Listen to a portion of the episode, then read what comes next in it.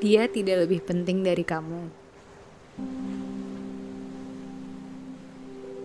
Katanya pelan dan sabar menutup hampir setiap pertengkaran. Aku masih ingat jelas rasa gelisah yang sering menyerang di waktu-waktu yang kurang tepat.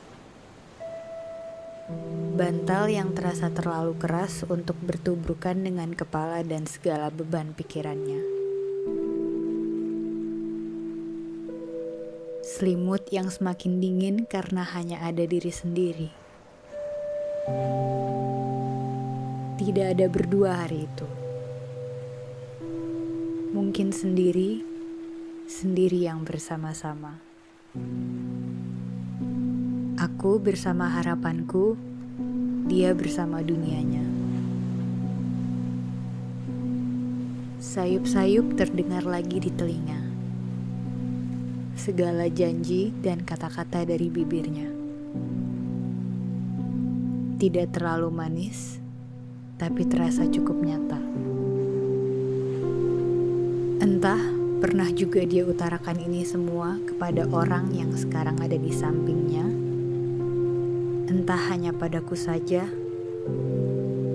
atau malah kepada orang-orang lainnya lagi. Dia pernah bilang beberapa kali, telah singgah dua atau tiga, tapi dia bilang pula kalau aku yang paling berbeda. Aku tidak suka jadi duri di dalam daging. Gumamku sebelum tidur. Bertarung dengan ramainya pikiran-pikiran tentang aku yang ingin disayang.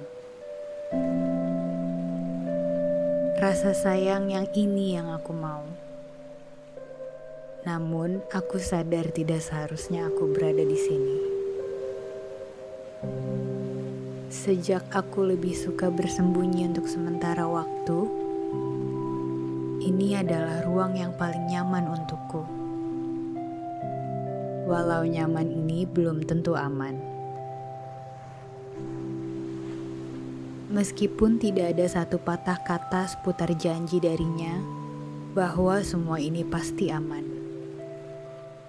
Tapi apa yang lebih manis dari satu arah yang katanya saling percaya ya.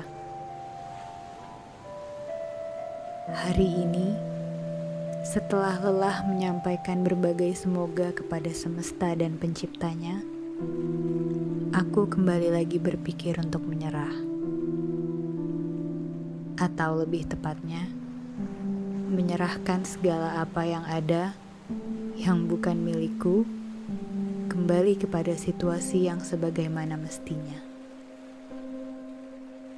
Atau mungkin nanti malam, saat datang lagi rasa sepi dan ingin disayangi, aku malah berubah pikiran lagi. Ya, tapi setidaknya dari sini aku belajar aku bukan orang ketiga untuk dia yang selalu menjadi pemeran utama. Semoga saja benar adanya.